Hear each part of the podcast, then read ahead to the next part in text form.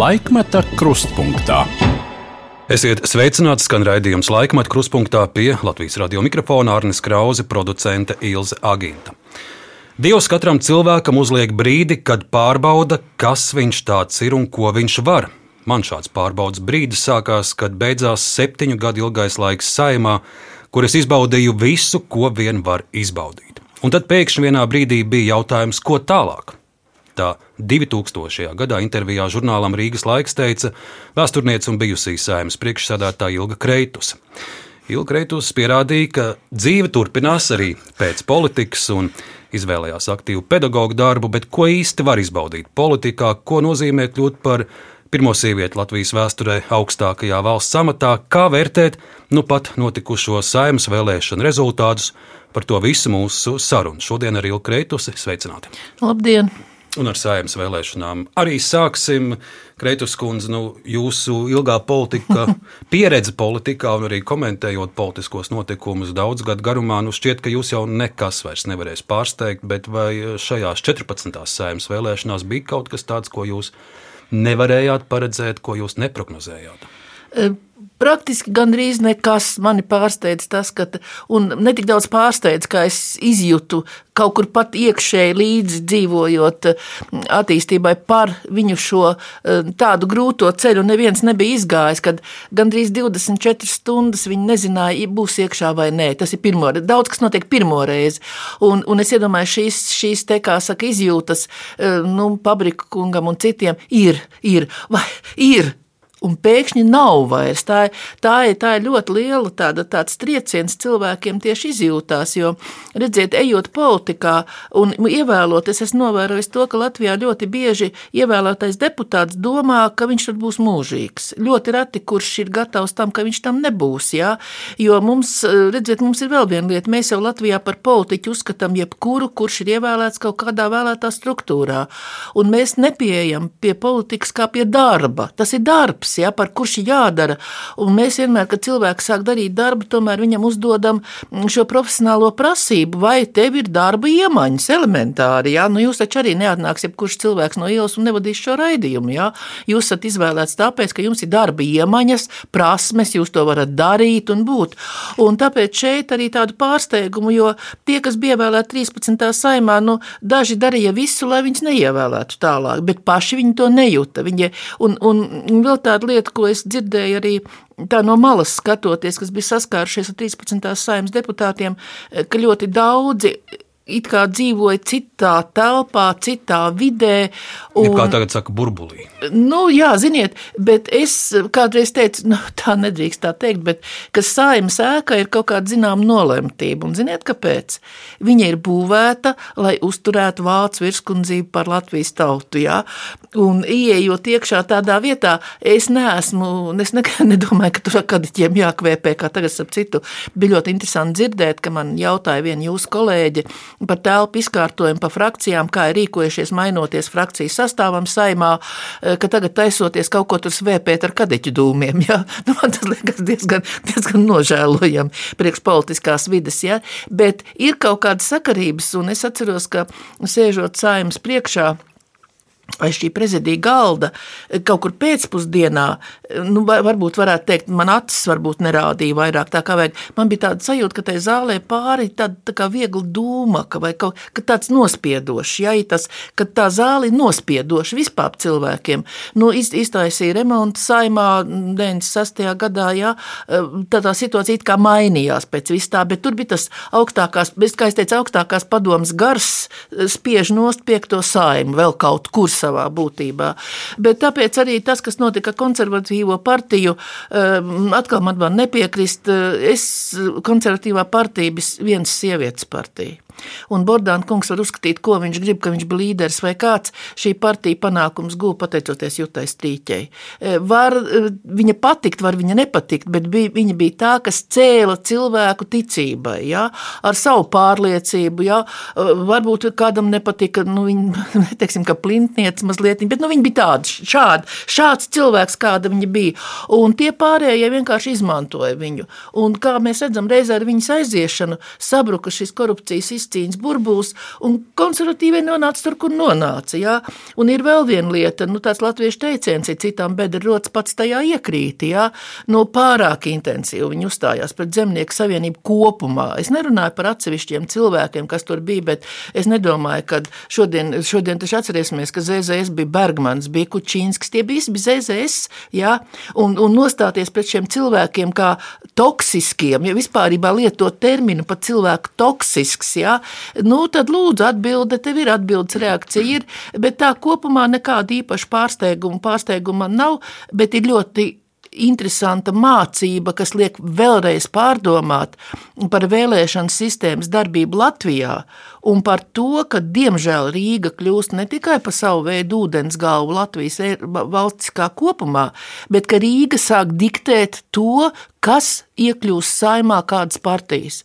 Un Klasisks piemērs ir progresīvie, kur, ja mēs tā skatāmies, trīs deputāti, kas tagad būs saimā no progresīvajiem, nav ievēlēti jo savos vēlēšanu iecirkņu apgabalos viņi ir saņēmuši Latgalē vispār 2% kaut kādi, bet viņi būs saimā. Tad jautājums ir tāds, ja progresīvie saka, ka tie visi ir pārstāvētie deputāti, tad cik viņi ir leģitīmi, ja mēs skatāmies no tāda viedokļa? Jā, viņi atbilst, viņi atbilst tam, 5% partija pārvarēs, bet vai šeit tomēr nav jāpārskata, vai var ienākt saimā no Latvijas deputāts, kurš tur nav ievēlēts. Ja? Un šeit ir tā disonance arī, kad mēs izvērtējam, kas ir ievēlēti, kādā veidā, un vai šā atkal Rīga patiešām nekļūst tā, kas sāk noteikt kārtību, kā jānotiek. Un Latvija atkal ir, nu, netieksim, bārnīcas lomā, bet vispār, ja mēs skatāmies pret valdošo, tas ir tas, kas man vairāk tādu 14. Saimnes vēlēšanās pārsteidza. Nu, otra lieta, ka viena mana prognoze piepildījās. E, piepildījās eh, striktāk nekā es domāju. Eh, es paredzēju saskaņai skuju ceļu politikā, ja ne dabā, pasaules dievs, politikā, bet es neparedzēju tik smagu to ceļu, ja, un, un to, tos vārtus tik smagi aizvaramies. Es biju domājis, ka viņi paliks uz kādu 5-6%, un, un kāds vēl tur būs, ja, bet ka viņi dabūs šo mācību eh, lai gan tā ir godam nopelnīta. Un atkal es gribētu teikt, viena cilvēka godam nopelnīta, eh, kurš ar savu uzvedību, un tas ir Nils Ušakovs, eh, izaudzēja Roslikovu, jo tas ir viņa labākais draugs. Tas mācīja izmantot visu to, ko izlaida no rokām Roslikovs, un kārtējo reizi es varētu teikt, kā Andris Amerikas, kārtējo reizi savu partneri palicis zem deķa, ja tā varētu teikt, un kārtējo reizi ir uzvarējis, jo gods kalpot Rīgai ir kļūsi par parlamentāru partiju caur Buravu kungu. Ja? Tā kā tie ir tādas, tādas nianses, ka, ja mēs runājam par 14. sājumu, kas man ir iekritušas acīs.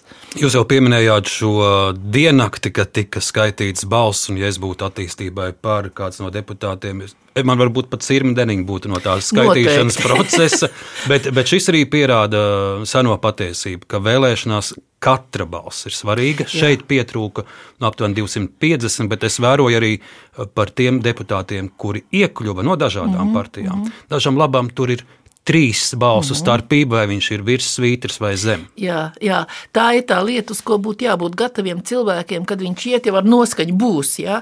E, tā ir otrā reize Latvijas vēsturē, jo pirmā reize bija Latvijas ceļš. Tur bija vēl traģiskāk, tur bija 4,98, te ir 4,97, kā 0,1 mazāk. Jā.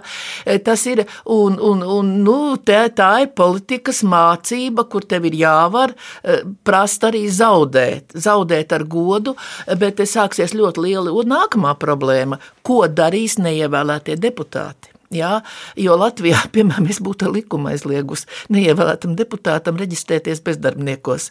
Bet, kā mēs zinām, tā Latvijā ir piekopta prakse, ja, kad deputātu neievēlē parlamentā, viņu reģistrē, par bezdarbnieku. Nu, varētu teikt tā, nu jā, viņš bija uz četriem gadiem pieņemts darbā, Un tā ir tā dilemma, ko vajadzētu ļoti daudziem saprast. Tu ej un riskē, un tev ar to ir jārēķinās. Un tāpēc, vai tu saglabā savu darbu vai nesaglabā, vai tu esi profesionāli, jo, pieņemsim, mediķiem tas, mediķiem tas ir ļoti liels risks, jo uz četriem gadiem nolikt savu profesionālo darbību, jā, nu var jau teikt, es saglabāju savus iemaņas, nu, četru gadu laikā nu, ķirurgs, nu, viņam nav laika braukt un operēt. Viņš var konsultēt kaut ko, bet zūd šīs iemaņas, un tev tam ir jābūt gatavam, ka pēc četriem gadiem Var gadīties, ka tu vairs nebūsi politikā. Ja? Un, un tā man šķiet ir lieta, par ko daudz nedomā tad, kad sapriecājās, kad viņš ir ievēlēts vai ka viņš ir iekļauts sarakstā, ka nu tik būs, nu kaut kas notiksies. E, mums no tās reāla politikas cilvēki diezgan tālu. Prezidents Levits nākamajā dienā komentējot vēlēšanu iznākumu teica, ka Vairāk nekā divas trešdaļas Latvijas pilsoņi ir nobalsojuši par demokrātiskā spektra partijām, kas pastāv uz valstiskām vērtībām. Šī robežšķirtne, kur ir prezidents Vilcis, četras partijas, tātad tajā viņa prāta demokrātiskā spektra, valstiskajā pusē, Trīs eh, viņš atstāja mm otrā pusē. Es gribētu teikt, šeit Levita kungam varbūt kaut kas misējās. Eh, ja, jo, nu, kāds ir dalījums, ja mēs skatāmies tipi ir demokrātija, autoritārisms, totalitārisms. Ja tās ir demokrātiskas partijas, tad kas tad tās trīs ir? Eh, nu, autoritāras, totalitāras Jā, e, nu, tos trīs droši vien viņš domāja. Jā, tad Rosļikovs saraksts, Šlesers nu, jā, saraksts un ZZS. Nu, jā, bet pēc kā tad viņš nosaka, ka viņš nav demokrātisks? Kāda tad ir demokrātijas kritērija? Es domāju, ka prezidenta kungs nevisai veiksmīgi izvēlējās to, ko viņš formulēja. Jo, no, ja tā mēs skatāmies, un es zinu, ka neviens no maniem kolēģiem ir uzdevis šo jautājumu, arī man prasīs, kas tad tās citas partijas ir, ja ne demokrātisks? Mums ir demokrātiska valsts iekārta, ja? ja viņas ir pretvalstiskas, tad ir jādarbojas pilnīgi citām struktūrām, tad viņas tur nevarēja atrasties vispārībā. Es domāju, ka šeit varbūt būtu jautājums par to, par tām, par to skatījumu, kādu ceļu iet un attīstīties Latvijai.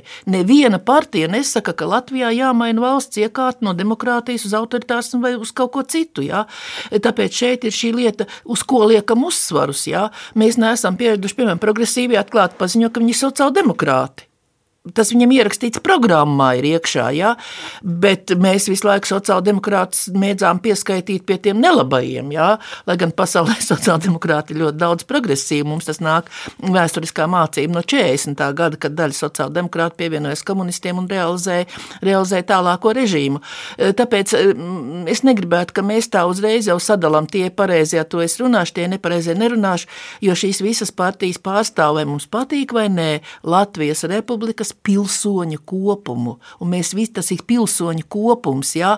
Un teikt, ka viens pilsonis ir pareizs, otrs nepareizs, ir, ir diezgan sarežģīti. Ja? Nu, Kārlis Ulmans apvērsuma rezultātā sociāldemokrāts aizsūtīs Liepājas koncentrācijas nometni. Ja?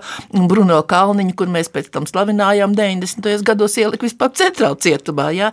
Tāpēc šeit vajadzētu, kad mēs lietojam kādus terminus, it īpaši valsts augstākām amatpersonām, vajadzētu būt uzmanīgiem pret tiem terminiem, ko lietojam. Un, jo ne jau tikai Latvijas, Latvijas iedzīvotājs jā, pieņem to, bet arī ārvalstīs klausās to un domā, tagad tās nav demokrātiskas partijas, tad ko te uz autoritārismu velk uz to pusi. Jā? Es domāju, ka prezidenta kungam bija mazliet cita doma, kad viņš teica tos vārdus un tā nedomāja. Mūsu sarunu šodien noteikti klausās arī ļaudis, kuri devās vēlēt, bet kuri ir vīlušies, jo jo viņu izvēlētie deputāti nav iekļuvuši. Un, ja mēs saskaitām saskaņa attīstībai par konservatīvie, arī Alda Gobzem katrai un katrai tie ir vairāk nekā 200 tūkstoši Latvijas pilsoņu. Kā, kā, Ko jūs teiktu? Nu, viņi var teikt, mēs esam vīlušies, mēs vairs nekad neiesim uz vēlēšanām. Nē, tā nevajadzētu teikt, jo es, es teiktu, Latvijas satversmes tēvi, kā mēs mēdzam teikt, bija ļoti gudri cilvēki. E, jo, redziet, neejot uz vēlēšanām, tu kļūsti tik un tā līdzatbildīgs par vēlēšanu rezultātu. Jo es neaiziešu, bet jūs aiziesiet un notiks tas, ko jūs gribat, jo jūs būsiet izlēms arī par mani. Jā, tas ir. E, ja mēs runājam par to, ka vīlušies vēlēšanu rezultātā, te ir tā partijiskā cīņa un jautājums cilvēkam, kam tu ticēji, kam tu domāji. Nu, tā ir demokrātija, ka vairākums nosaka to, bet redziet, demokrātija nav tā, kā mēs uztveram, ka vairākums atnāk, nodiktē un viss notiek. Vairākumam uztic, bet vairākumam ir jārēķinās un jāņem vērā arī mazākuma paustais viedoklis. Ja? Nevar to ignorēt, kā mums ļoti bieži šķiet, kad nu, saimās šī praksa ienāca septīto saimu, kad es tur biju, tad nebija šī praksa kategoriskais īkšķi pacēlums, ja? neņemt vērā, ko saka opozīcija. Vienalga, varbūt viņi pat iesniedz kaut ko ļoti labu, bet vienkārši tāpēc, ka viņi ir opozīcija, neņemt vērā, mums ir pārprasta šī darbība, tā nav demokrātija kā tāda. Nu, par saskaņu runājot, ziniet, ir viens cits faktors.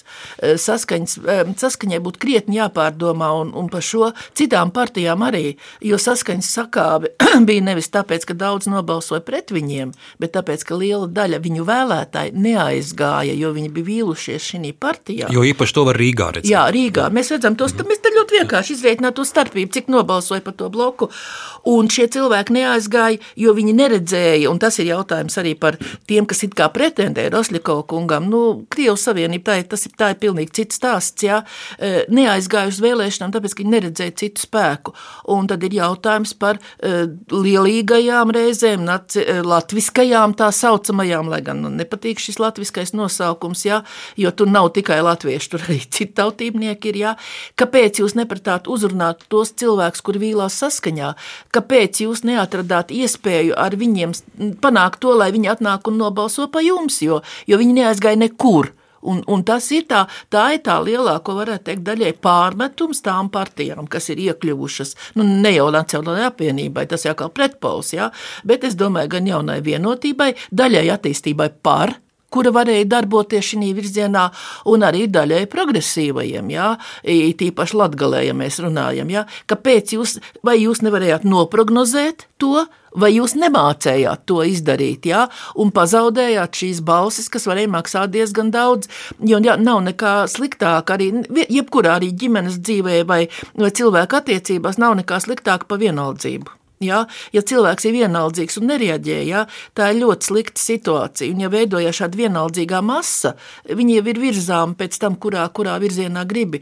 Un, un te ir apusēja šīs procesa saskaņa, kā zaudētājs, kas nevarēja vairs savējo pārliecināt, un otra puse, kas nenoprognozēja un nepaņēma šo vērātāju un nepār, nu, ne, nepārliecinājis, bet teikt, nepāraudzināt, nevar pāraudzināt, nepārliecināja darboties savā labā un nobalsot par sevi.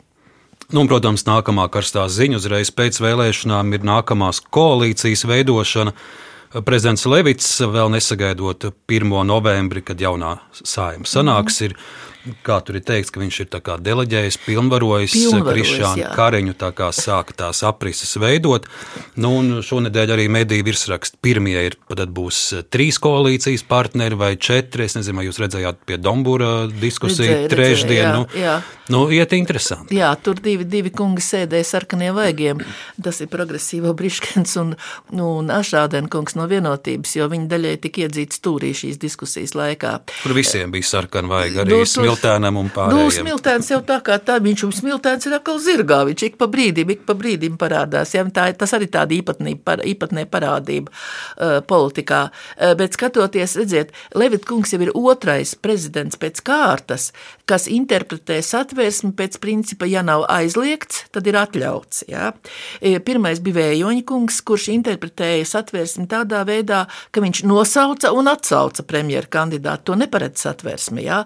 Tā nevar nu, nē, nē, nevis nevar, bet tas nav teikts, ka tā ir jādara, bet nav teikts arī, ka nedrīkst darīt. Ja te ir tas princips, vai, vai tas, kas, ir, kas nav aizliegts, vai tas ir atļauts. Ja? Un bet mēs... jūs gribat teikt, ka prezidentam Levitam vajadzēja sagaidīt 1. novembri, un lai partijas Nē, pašas bet, tagad bet, lēnā garā. Tad, tad nu pasakiet, ka es deleģēšu to un to, bet nevis pie, tā kā uzticēt, tā kā neuzticēt. Es tā īsti nesaprotu, kas Kariņ, ko Kariņkungs pašlaik dara.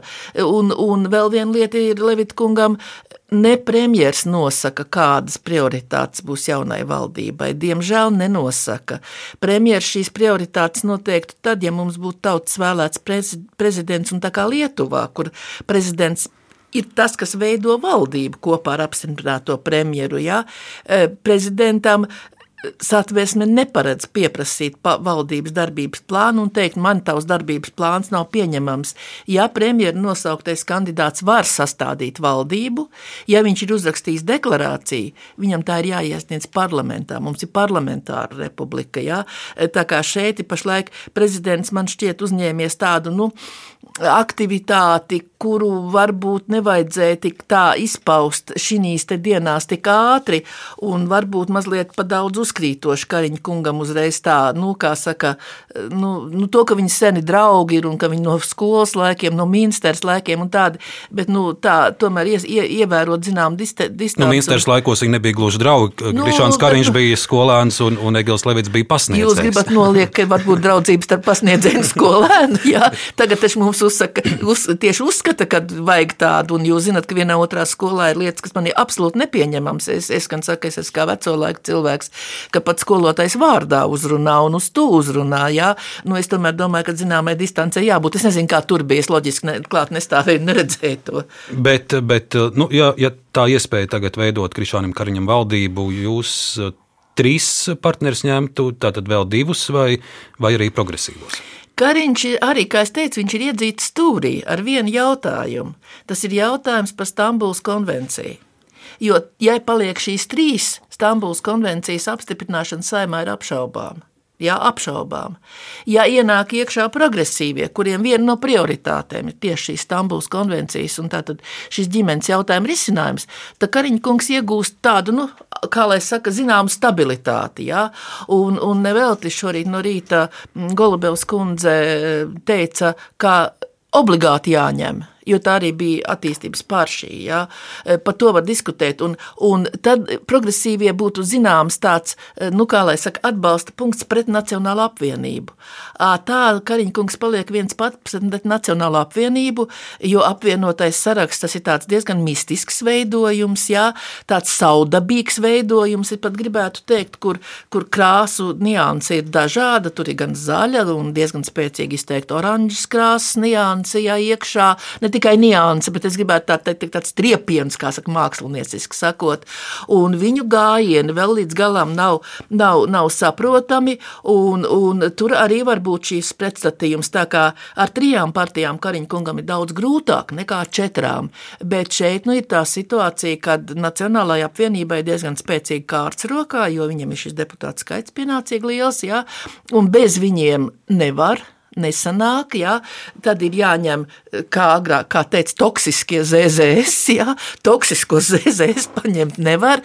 Te ir, te šī stīvēšanās notiks, un es nedomāju, ka tas būs tik viegli, kā vien teica, ah, nu, Kariņš uzvarēja, viss kārtībā, 26 uz priekšu, viss notiekās, nekāda problēma nevienmēr tas skaits nosaka to problēmas biezumu, varētu tā teikt. Bet, Kreitus kundze, viena lieta, nu, kā ir izdevīgāk Krišānam Kariņam vai Nacionāla apvienībai, bet jūs prāt, no, no, no Latvijas, no drošības viedokļa, no tā, kas viss mūs vēl sagaida, redzot, kas notiek pasaulē. Kāds valdības uh, ietvars būtu tas saprātīgākais jūsuprāt? Ziniet, es, es gribētu teikt, trīs pusi, bet tā laikam nevar. Jo redziet, ka mēs skatāmies uz progresīvajiem. Es progresīvos salīdzinu tādu divslāņu plātsmaizi, jā, nu es mājās mēdzu plātsmaizi cept, ir stabils pamats, izcept stabils pamats. Jā, jo ziniet, ka reizēm arī plātsmais cep tā, ka izcep pamatu un tad pildi virsū. Jā. Tie cilvēki ar uh, augstu profesionalitāti, jā, tā ir Ābrams kundze, tas ir Prūda kungs, jā, ar augstu profesionalitāti, kas ir stabili zinām politikā. Un tad virsū ir tāds, nu, mazliet šūpīgs, šūpīgs virslāņojums. Ņināšaus kundze, kas ir bijusi ļoti aktīva saskaņas biedra un darb, darbotāja, jā, e, tad nāk cepurīša kungs ar visām savām īpatnībām no Rīgas domas kungs ar, ar gāzes katlu ciettaisīšanu un nezinu, ko tur darīšanu, tad Šuvājeva kungs ar savām antropoloģiskajām interpretācijām.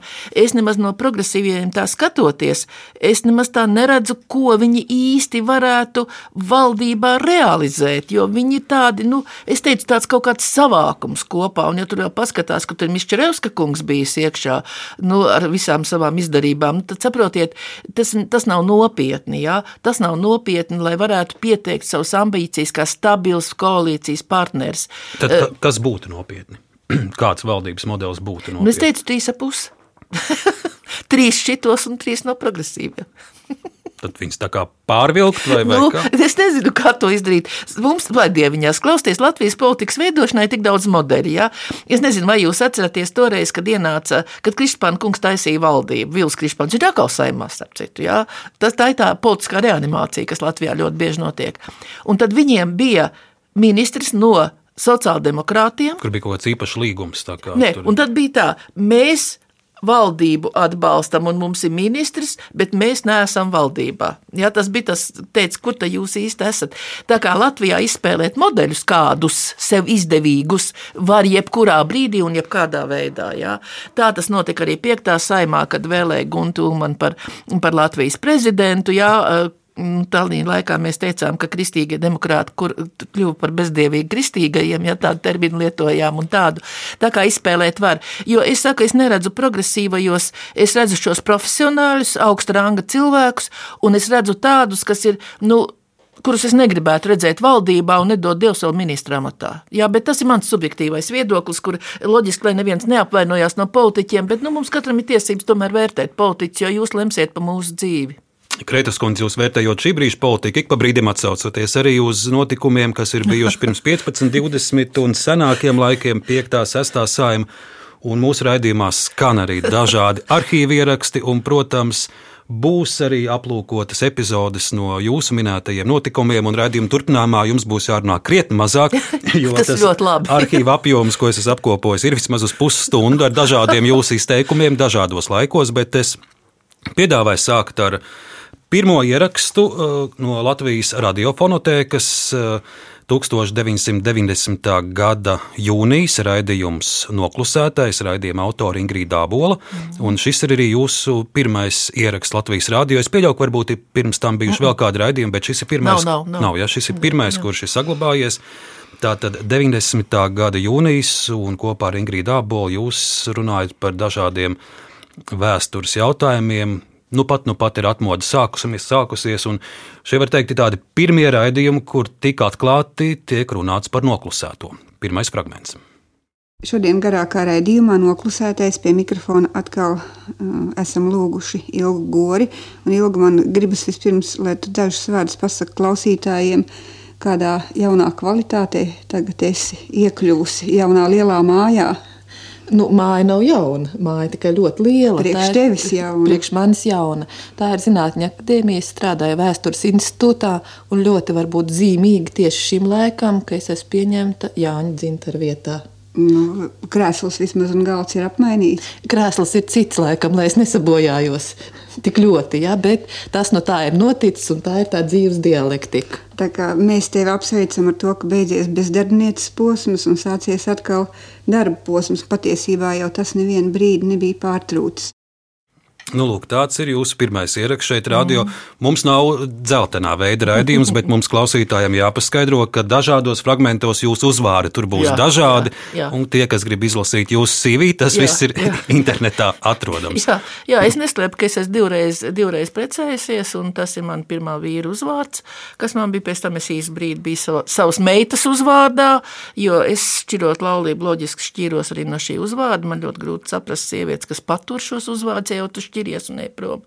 Un tagad man ir man otrā vīra uzvārds, un tāpēc, tāpēc tā, nu tas ir tas, tas sievietes liktenis, kas mēdz būt. Bet radioraidījumos 90. gadā jūs uh, daudz runājat par Latvijas likteni un daudziem klausītājiem. Varbūt tieši no jums viņa pirmo reizi, es pat pieļauju, ka tā arī Jā. bija. Viņa, viņa pirmo reizi uzzināja daudzus faktus, kas bija noklusēti, kas bija aizliegti par tiem runāt. Un nākamais fragments būs no 1990. gada novembra. Raidījums gadsimta griežos, arī šeit autori Ingrīda Dābola. Un šis raidījums ir interesants arī ar to, ka pirmais raidījums šīs 90. gadā novembrī ir arī toreiz jaunajam vēstures studentam Ainaram Latkovskim, kurš šobrīd atkal ir ievēlēts jau kurā saimā, bet Ingrīdā Bulna un Ainārs Latkovskis vada raidījumu, un tiekat iztaujāt arī jūs. 90. gada novembris. Šī raidījuma ietvaros turpināsim ciklu noklusētais, kur vienmēr izmantoti pirmreizēji vēstures dokumenti. Kopā ar mums Ilga Gore, Es gribētu šodien ainiņas iz partijas dzīves. Nu, un vispirms jau ļoti interesants, ko es viņam iesaku izmantot, ir partijas darbinieku atmiņas. Un pirmkārt tā ir Olga Auguste. Sieviete, kuru raksturo ne kā ar nevisai dziļu prātu, bet kura savā atmiņā ir bijusi ļoti godīga, atklāta, kura ir sniegusi mums tādu informāciju. Kuru nekur citur neatradīs. Nu, vispirms tas ir jautājumā, kas tad īsti vadīja Latvijas komunistisko partiju jūnija dienās. Vienkārši biedri no VKPB CK. ieradās. raksta? Jā, tā viņa raksta. Viņa raksta tā, ka biedri no VKP BCK pamanīja mūsu pieticību un ieteica nekautrēties un nopirkt nepieciešamos rākstām galdus, krēslus, arī dīvānus. Tāpat viņi ieteica apspriest un noteikt algas darbiniekiem CK aparātā. 30. jūnijā CK sekretāram apstiprināja Latvijas Republikas ministra algu 400 lati. Mēs visu laiku spriežam, kas te šeit veids pirmos pārkārtojumus. Bija dažas atmiņas par to, un par to arī rakstīja Jānis Gustsons, ka latvieši, kas dzīvoja Padomju Savienībā, ieradās šeit jau 17. jūnijā, bet dokumentāli mēs nekur nevarējām to atrast. Nu, Olga Augusta raksta ļoti strikti. Daži latvieši, kas dzīvoja Padomju Savienībā, atgriezās Latvijā kopā ar sarkanās armijas daļām. VKPB CK viņus nodeva mūsu CK rīcībā, viņu vidū bija, un tad seko apmēram 20 uzvārdu skaitījums. Tā kā, kā saka, tas ir ļoti svarīgs moments, kas jāņem vērā. 44. gadā tās sauc par operatīvajām grupām. Toreiz tās bija sarkanās armijas vienības, pilnā formas tērpā. Nu, vēl viens moments, kas tad īsti apstiprināja saimas sēdes dienas kārtību. Visu laiku mēs zinām, ka dienas kārtība izsludināja dienu tikai pirms sanākšanas.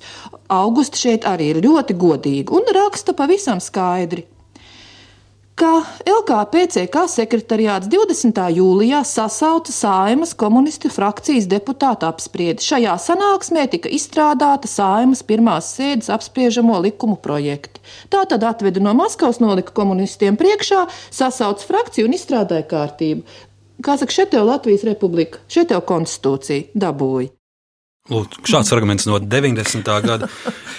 Kreitus kundze jāsaka, man liekas, Ingrīda Jābola arī liels paldies, ka Jā. viņa ir saglabājusi šos raidījumus. Oh. Vismaz desmit fonoteikā ir saglabāti. Viņi, protams, bija krietni vairāk, un, un es ar ļoti interesi lielu noklausījos viņus, un man ir mudinājums arī Latvijas radio viņus ielikt uh, publiski, lai mhm. ļaudis ir, jo tiešām nu, ļoti liela Jā. informācija tur apkopot. Jā, tur ir informācija, un arī varētu teikt, tā mēs ar Ingrīdu mazliet darījām to, ko nu, tāda mazliet tādā neprātā, gribētu teikt, tā, jau neprātam dziedam mēs slavu, jā.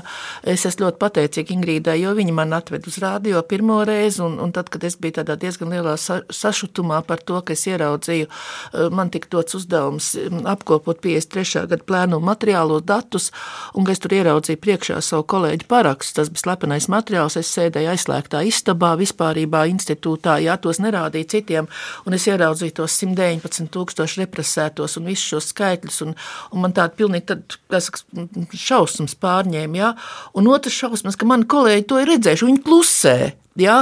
Un Ingrīda meklēja raidījumam šos atklājumus kā tādus, ja viņa, viņa ļoti analītiski bija un, un visu cieņu viņai. Es viņai tiešām daudz ko es parādā. Un nerunājot par barikāžu dienām, kad mēs dabas divas te par radio mājām, man tādas atmiņas par barikāžu dienām par radio māju, kuras vienmēr piemin arī. Bet tad, un bija tas jautājums, tu varēsi pateikt, Bet manī tas iekšējais sašutums bija tik liels, es teicu, kā var par to nerunāt? Ja? Jo arī man tēvs bija, man tēvs arī starp tiem 119 represētajiem tūkstošiem, kas tur bija. Ja?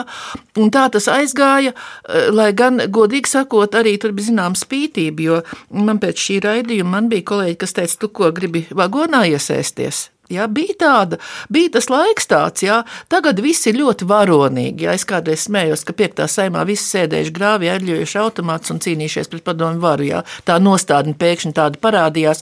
Es nesēdēju grāvies automātu, neeļļoju pret padomu varu, necīnījos tādā veidā.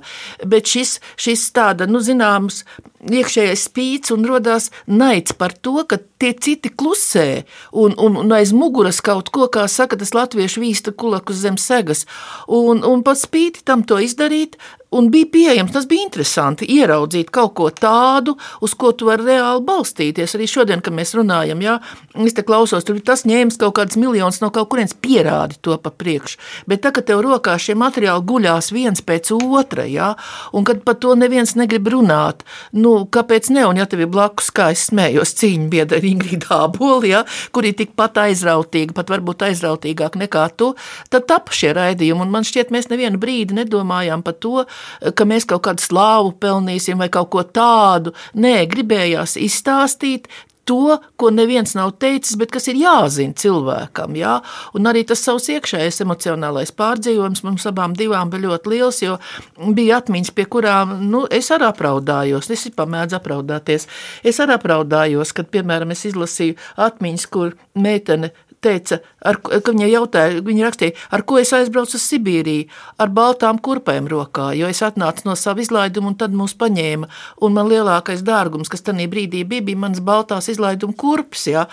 Un es iedomājos sevi baltā kleitā. No, saprati, tā, tas emocionālais, ko tu pārdzīvo, lasot šīs lietas, un tāpēc gribējās par to runāt ne tikai par to, kas slikts vai labs vai ļauns vai noliedzošs, bet šo cilvēku emocionālo pasauli parādīt, jā, ka tas nebija tik vienkārši, kā mums šķiet. Jā, tie, kas ņēma ciet, tie tie ļaunie, Es vienmēr saku vēl to citu piemēru, jā, kad es loģiski, kad es tiku klāt šiem sarakstiem, mēs daudz ar to strādājam ar, ar, ar Feldmaņa kungu kopā un, un, un Butuļa kungu un tiem, kad tu lasi, un es ņēmu savu tērvets pagastu, jā, nu, ko savējos, taču vajag, es esmu tērvetniec, dzimus tērvetē, un es tagad paņemu tērvets pagastu, bagātos saimniekus, visus tos, a tur viens cilvēks sarakstā.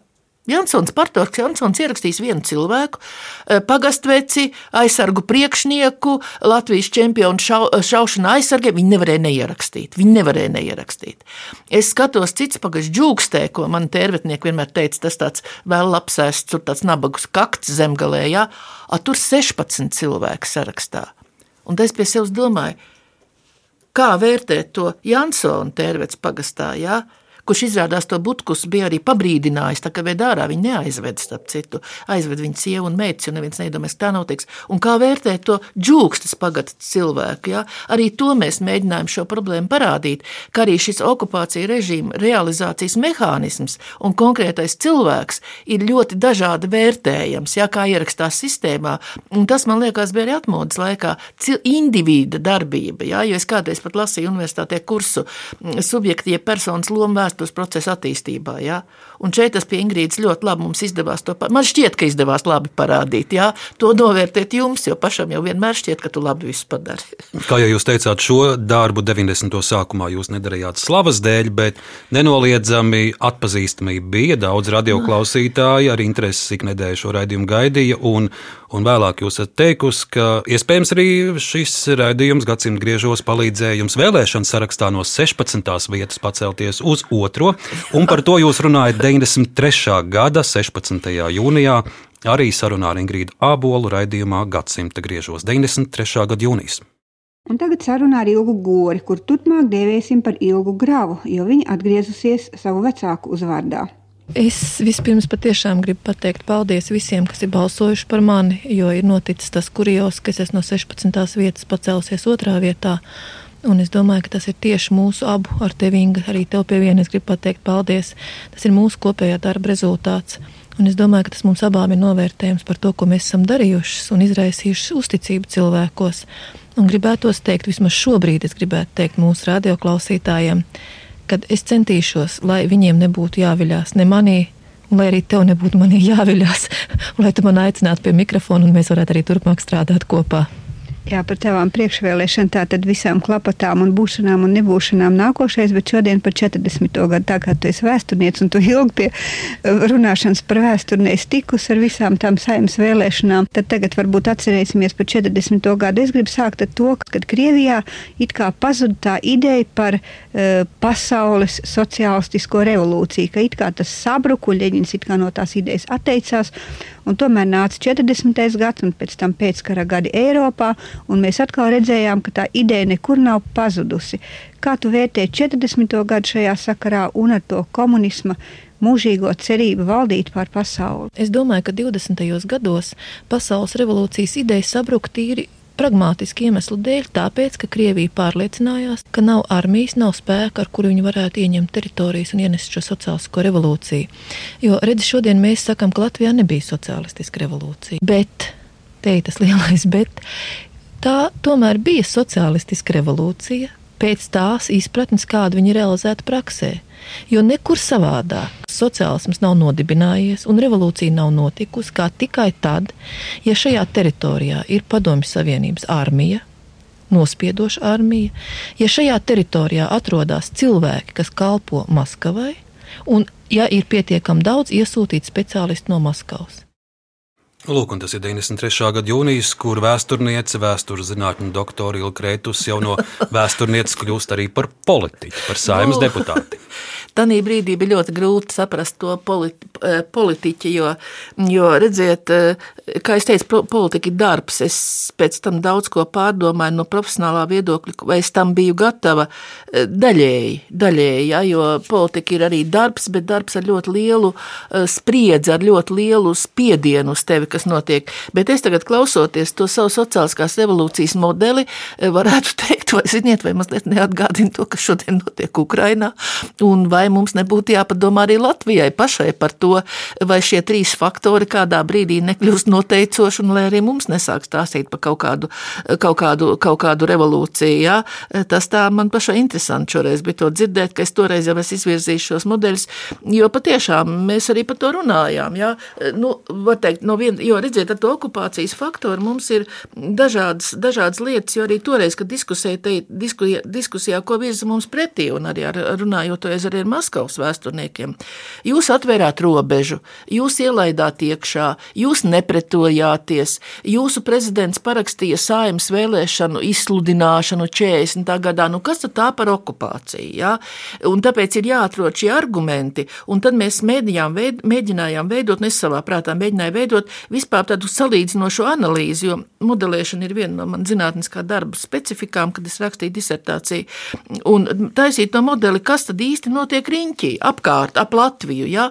Un tam mēs redzam, ka patiešām šie visi faktori darbojās gan 40. gadā, gan arī pēc otrā pasaules kara, kad izveidojās sociāls nometne. Ja? Tātad tas ir tas modelis, kādā veidā mēs jūs paņemam vai nu pilnīgā tieši savā sastāvā, vai mēs jūs paņemam tādā kontrolē, kā kurzems, kurzems zemgals hercogists bija vasaļvalsts polijas, polijai. Ja, nu, apmēram tas pats atkārtojas. Nekas jau nav jauns, tik mainās spēlētāji un izpildes laiks un teritorija. Nu, pat dzirdētajā fragmentā mēs jūs pirmoreiz dzirdām nevien kā vēsturnieci, bet arī kā politiķi. Un nākamie fragmenti, kurus mēs atskaņosim, būs saistīti jau ar jūsu gaitām uh, Latvijas politikā. Protams, esot politikā, tā ir jau pilnīgi cita vide un diezgan skarba vide. Un arī jāuzklausa dažādi jautājumi, dažādi pārmetumi, dažādi dūrieni. Un uh, viens no tādiem ir, ka jums ik pa brīdim tiek atgādināts arī jūsu diezgan īss, bet laiks komunistiskajā partijā. Jā. Un arī vēl līdz šai dienai dažs labs, labvēls vai nelabvēls ik pa brīdim iedzen šo, šo, jā, šo jā, jā, jums. Jā. Bet 94. Uh, gada decembrī raidījumā atkal pieminētajā mm -hmm. gadsimta griežos uh, arī šis jautājums izskan -huh. no klausītājiem, un, un mēs dzirdēsim, kā 94. gada decembrī jūs atbildat uz jautājumu par savu darbību partijām. Skan radio programma Gadsimta griežos, un ar jums runā Ingrīda Ābola, bet raidījuma tapšanā palīdz Dācis Stalidzēna, Ilona Seņkāne, Lauma Boša un Atis Plakans. Tātad, gribot, negribot, man jāņem rokā vairākas vēstules, kurā vaicāts par ilgu grāvu. Ilga daudzkārt ir runājusi mūsu raidījumā. Viņa ir erudīta, profesionāla vēsturniece, vēstures zinātņu doktore, bet ir arī saimas deputāte. Un Gravas kundzes darbības saimā izsaukusi klausītāju pretestību. Nepatīk attieksme pret pilsonības jautājumu, attieksme pret valsts drošības komitejas darbiniekiem un aģentiem, un tam seko strikts vērtējums - rūdīta komuniste. Lūgu šo pēdējo jautājumu arī lūdzu, lai Ilga Grava atbild. Tā būs zināma personiska iepazīšanās, jo līdz šim mēs vienmēr esam runājušas tikai par vēstures un valstiskiem jautājumiem. Nu, mana darbība komunistiskajā partijā ir tāda visai specifiska. Eh, visiem asociējās partijas vēstures institūts ar kaut kādu dziļu partijas teoriju, dziļu komunistiskās teorijas un attīstītu sociālismu attīstību, un ļoti maz kas zināja arī par citām lietām, kas tur notiekās. 1983. Eh, gadā, eh, kad mani uzaicināja strādāt partijas vēstures institūtā, es biju bezparteiskā. Es to skaidru un gaišu uzreiz pateicu, ka es neesmu partijas biedra un es pie jums nevaru strādāt. Man atbildēja ļoti vienkārši. Mums ir vajadzīgs, lai jūs sastādat industrializācijas dokumentu krājumu, tātad kas notiek ar Latvijas rūpniecību laika posmā no 40. līdz 53. gadam, pilnīgi neaizskārts jautājums dokumentos. Tanī brīdī viņus neinteresēja mana partijas kā piedarība. Un, ja tā godīgi runā, un es to cilvēkiem varu pateikt, es nekad no tā neesmu kaunējusies. 83. gadā man nebija kur dzīvot. Tā kā daudziem pasniedzējiem, kur dzīvot. Un man teica, tā apmēram piecu gadu laikā, pa kuru būtu jāizdara arī šīs darbs, mēs gādāsim par to, lai jūs saņemat apdzīvojamo platību. Un es mierīgi strādāju, nebūdam partijas biedra. Es strādāju pie saviem dokumentiem, paralēli mazliet strādāju pie savas zemniecības problēmas un par Latvijas zemniecību 30. gados. Un partijā man neviens īpaši, kā saka, nespieda stāties, un es arī nemaz nemēģināju, jo es zināju vienu, ka pirmās atļaujas man nav, Arhīvā man deva tikai tos dokumentus, kas bija saistīti tieši strikt ar manu tēmu. Neko citu es, es nevarēju skatīties, jo bija zināms, ka es esmu represētā meita. Līdz ar to jautājums, kā saka, atkrita pats par sevi. Tur vispār tas netika apspriests. Tev tēvs ir represēts? Man tēvs ir represēts 44. gada beigās apcietināts un 45. gada februārī aizvests uz Solikamskas nometni. Un to visi zināja. Tas taču nevienam nebija noslēpjams. Un pirms tam es biju mēģinājusi pieteikties, stažēties no universitātes uh, uz Vācijas Demokrātisko republiku. Uh, man otrajā sarunu raundā pateica, ka es varu tālāk nestartēt, ka es neatbilstu tiem rādītājiem. Uh, universitātes spēcbibliotekā atļauju strādāt es nesaņēmu. Tā kā es zināju savu vietu, kā saka, šī sabiedrībā. Un arī tā institūtā strādāju līdz 87. gadam, kad es darbu principā pie šī krājuma pabeidzu, un arī saņēmu dzīvokli. Un te es tā atvieglot uzelpoju, ka es varu iet projām. Tik tālu jūs stāsts ierakstīts pirms 28 gadiem, mm. tālāk sako vēl diezgan garš skaidrojums, mm. kā tad jūs nokļuvāt partijā, bet tad turpināsim šo sarunu jau tagad pēc 28 gadiem, un tad šo stāstu jūs šodien varētu pabeigt. Nē, es varu pabeigt ļoti vienkārši. Es domāju, ka tie cilvēki, kas to visu saka par to rūdījumu un tādu, e, tas ir tāds žults, ka nezinu, uz ko uz sevi izgāzt. Un tad parādījās šī lieta, kad mums institūtā tika dots uzdevums. E, mūs izvēlējās grupu mani, e, profesoru Strangu un, un, un toreiz arī Mārtiņu Virs, kas strādāja.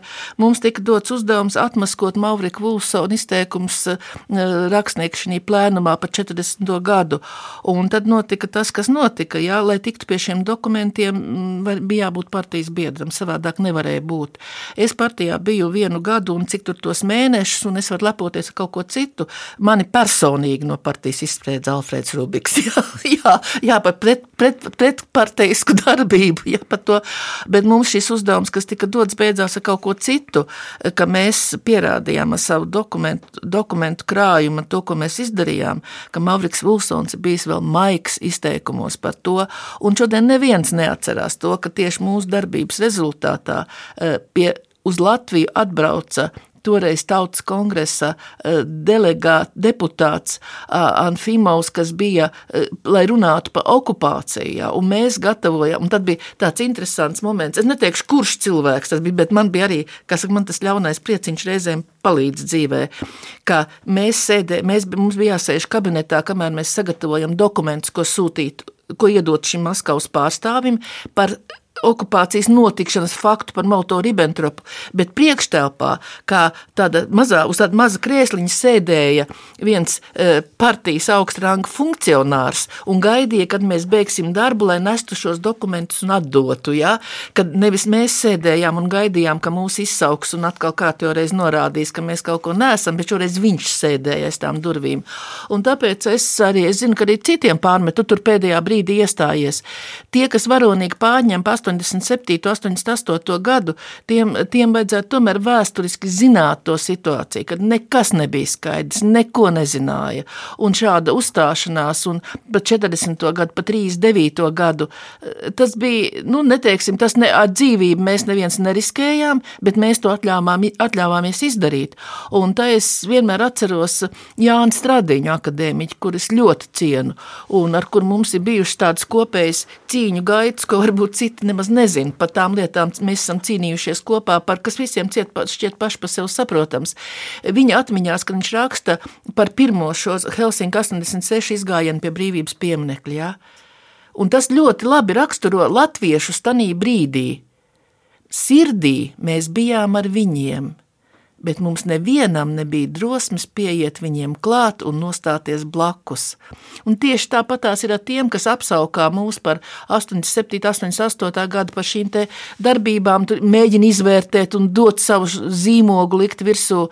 Man aizdoms, ka eh, jūs arī esat tie, kam nebija šī, man arī nebija toreiz drosmes nostāties blakus. 88. gadā jā, bet, kad es to redzēju, man elpa aizrāvās. Es domāju, kā viņi iedomājas, jo mums taču universitātē, ja studenti bija gājuši likt ziedus pie brīvības pieminiekļa, valsts to gadu vidū izslēgšana. Jā, ja izdevās nosargāt studentu neizslēgt, jā, tad mēs bijām ļoti priecīgi par to. Jā. Tagad visi kaut kā aizmirsuši, visiem tas šķiet, ah, mēs gājām, viņi gāja, viņi uzvarēja. Tie bija cilvēki, kuri, manuprāt, bija kaut kur uz vājprāta robežas, tā nedrīkst teikt, bet cilvēki, kuri bija zaudējuši līdz galam izjūtu par pašsaglabāšanās instinktu, jo pa viņiem gan nevarēja zināt, kas notiks tālāk. To, ka nešaus nost, tas bija skaidrs, nešauja jau tajā laikā cilvēki, bet kas būs tālāk? Tas bija atklāts jautājums. Un tāpēc tas bija tāds periods, es to nenožēloju. Ja kādam šķiet, ka tāpēc es esmu kļuvusi par, par valsts nodevēju, vai tieviņas mums ir domas brīvība, izpaušanas brīvība, un, un tāpēc uz cilvēku kaut teikt, ka tu esi tāds vai šitāds, nē, tas, tas ir noiets etaps manā dzīvē. Bet tagad, Kreitas kundze, par jūsu periodu Latvijas parlamentā, tātad piektās sēmas vēlēšanas, kurās jūs iekļūstat. Tā ir Demokrātiskā centra partija. partija. Jā, pirmais ievēlētais sastāvs bija Kreituse, Grava, Leiškalns, Čepānis, Olga Dreģe. Tāda, tādā veidā mēs apsēdāmies, tad, kad sākās piektās saimnes pirmā sēde. Tas jau ir tas, nu, kā lai saka, pārmaiņu laiks, kas sākās partijā, jo pašķīda Olga aizgāja eh, pie nacionāļiem, Lieškauns aizgāja pie Latvijas ceļa, tuvāk pie, kā saka, pie, mm, gribēju teikt, pie silas, tā nevar teikt, tuvāk pie, pie valdošās partijas, jā, un tad sākās šī eh, pirmā lielā staigāšana Latvijas parlamentā. Nu, jūs sakat, pārmaiņas, teiksim, vēl tiešāk dažādi iekšēji kašķi partijās nu, sākās, un jā, vien, jā. no viena šāda strīda partijas arī mūsu nākamais fragments, tas ir 94. gada oktobris, Uj. un notiek uh, darba, parti, darba demokrātiskās partijas kongress, un tātad te mēs dzirdēsim gan jūsu uzstāšanos, gan arī Alfreda Čepāni fragments. Jā, to es jums varu teikt, ka iespējams, ka būs, vai tā būs šķelšanās, vai tā būs kādas citas lielas koalīcijas veidošana. Tas vēl ir atklāts jautājums, jo es personīgi uzskatu, ka Demokrātiskā partija viena pati, kāda viņa ir tagad, šobrīd nevar vēlēšanās vispār iziet. Mums vispirms Demokrātiskajā partijā, kurai ir tikai niecīgi četri deputāti saimā, vajadzētu izbeigt ķīvēšanos. Tas ir pirmais. Jo, ja mēs to nebeigsim, tad mūsu vietā to izdarīs citi. Un tad mēs vispār paliksim bez nekā. Un, zinat, es esmu pārliecināts, ka, ja mēs nebūsim saimā, vai mums nebūs balsis, tad mēs nevienam nebūsim vajadzīgi. Tādēļ es gribētu teikt, ka galvenais ir izbeigt kasīšanos un ķerties pie lietas. Runājot Alfrēda Čepāna vārdiem, par ko tā lielā kasīšanās toreiz bija? Nu, kasīšanās lielā toreiz bija par elementāru lietu, un kas var izvērsties vienai otrai partijai arī šodien, kas vienmēr ir bijis. Redziet, no šiem četriem deputātiem, kas mēs bijām, pieci, kas mēs bijām, mēs neviens nebijām partijas biedrs. Mēs visi bijām ievēlēšanas brīdī, mēs visi bijām bezparteiskie. Be, un partijas vadība toreiz, Bišerkungs un Škaparkungs, viņi uzskatīja, ka viņi tagad šitiem te bezparteiskajiem politiskajiem, nu, nu, viņi pret mums bija diezgan, jo viņi visi tika izsvītroti. Saprotiet, tas bija šausmīgi, ja, kad partijas līderis visus sarakstā izsvītrot. Jūris Celmiņš jā. tur bija, jā, jā, tur Seleckis mm bija, tur viss bija. Viņi visi tika izsvītroti, un tagad šitie te no malas, jo viņi jau mūs paaicināja tā, nu, lai pastutē mūs mazlietiņu, un, un tad mēs viņus tur tā, tur pat arī viņi paliksies. Tas bija negaidīts rezultāts priekš partijas vadības, un viņi tā arī to nevarēja norīt. Viņi iedomājās, kā viņi sēdēs tur, un viņi diktē diktēs mums un mācīs, ko darīt, ko nedarīt un kā uzvesties. Ja? Un tad piepildījās gan tas, ko es saku, gan arī to, ko Čepāņkungs saka, kad, kad izbeidza to un atrada citu partneri. Kāpēc es runāju par to tā? Man ļoti liels šaubas, un es ļoti ilgi domāju, vai es varu ietilpt tādā frakcijā un tādā sastāvā, kas bija saimniekā. Jo nu, mums tur bija zināmas tādas. Nu, Es, man nevis bija pieņemams, kas toreiz notika kādā veidā, bet veidojot tas, tas ir arī tagad, ko veido partijas šīs koalīcijas, lai ietu tālāk, bet nu, izrādījās, ka manas šaubas laikam bija bijušas pietiekami striktas, lai, jo es nevienu brīdi nenožēloju, ka es pēc tam aizgāju un, un, un ne, neturpināju to, ko turpināja saimnieka pārstāvi, un, un notika tālāk, kas notika, un es domāju, ka es neesmu zaudētāji. Te vēl stāsts par piekto sājumu, bet mēs strauji jau dodamies uz sesto sājumu. Sastajā sājumā Ilga Kreitus kļūs par sājumas priekšsādātāju. Oi. Man tagad gribās smagi nopūsties. Jā, tas bija, tas bija tāds gājiens. Es varu godīgi pateikt, ka eh, es neticēju līdz pēdējiem brīdim. Ir, ir tāda fotografija, ko ir uzņēmis sājums fotogrāfs, eh, kur arī tad, kad kur, nu, bija skaidrs, ka jābūt. Ir, jā, arī tajā brīdī, kad to paziņoja, kad man ir manas sejas izteiksme, manas roku, roku kustība ir, ir tāda, ka es esmu maksimāli pārsteigta. Es varu pateikt arī to, ka pirms šīm vēlēšanām apējot partijas vadību, kārtībā reiz apējot partijas vadību. Ja? Es biju pie sarunas pie Anatolija Gorbunovā iegājusi. Ja? Un teicu viņam, ka mani virza viņa vietā, zinot viņa popularitāti, jo toreiz viņš bija tādā zināmā, nu, neteiksim, svētā tēlā, bet nu, tāds tomēr visi viņu ļoti, ļoti, ļoti. Ja es saku, man, man sūta pret jums, es gribu ar jums aprunāt par to lietu. Viņš apmēram tā mierīgi, man tas absolūti neuztrauc. Jā, viņš bija pārliecināts, ka viņš vinnēs jā, šīs vēlēšanas. Un arī es domāju, ka tas viņam bija šausmīgs smags trieciens. Un tas trieciens bija visādā veidā, ne tikai viņam, tāpēc, ka viņš zaudēja šo līderi, jā, jo tie ilgstoši viņš bija līderis, tāds neaizskarams, jā, šī visā. Es jau vēlreiz pārkāpu partijas disciplīnu toreiz, jo tas bija strikti noteikts, kad kā ievēlēs prezidijā. Nu, es godīgi pasaku, ka es sapratu, ka prezidijā ir jābūt profesionāļiem, un es nobalsoju par Imānu Daudišu. Un viņš dabūja, viņš, visiem atkal zālē bija. Bet es tā klusiņā mierīgi nevienam nesakot, man vajag blakus profesionāli cilvēku, kas strādā, un viņš perfekti zināja to. Žēl, ka viņš nav, ka nav vairāk starp mums, jā, kā tas notika.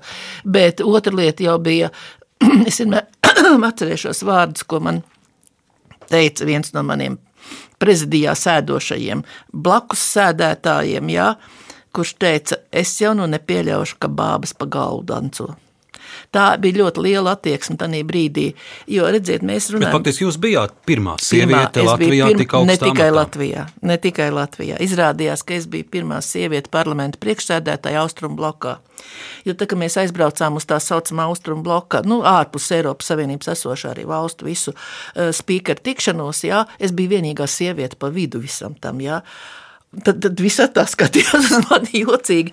Bet, bet nu, tas tā normāli. Ja tā skatās, vien, vienreiz vienam ir jābūt pirmajam, jā, kas to dara.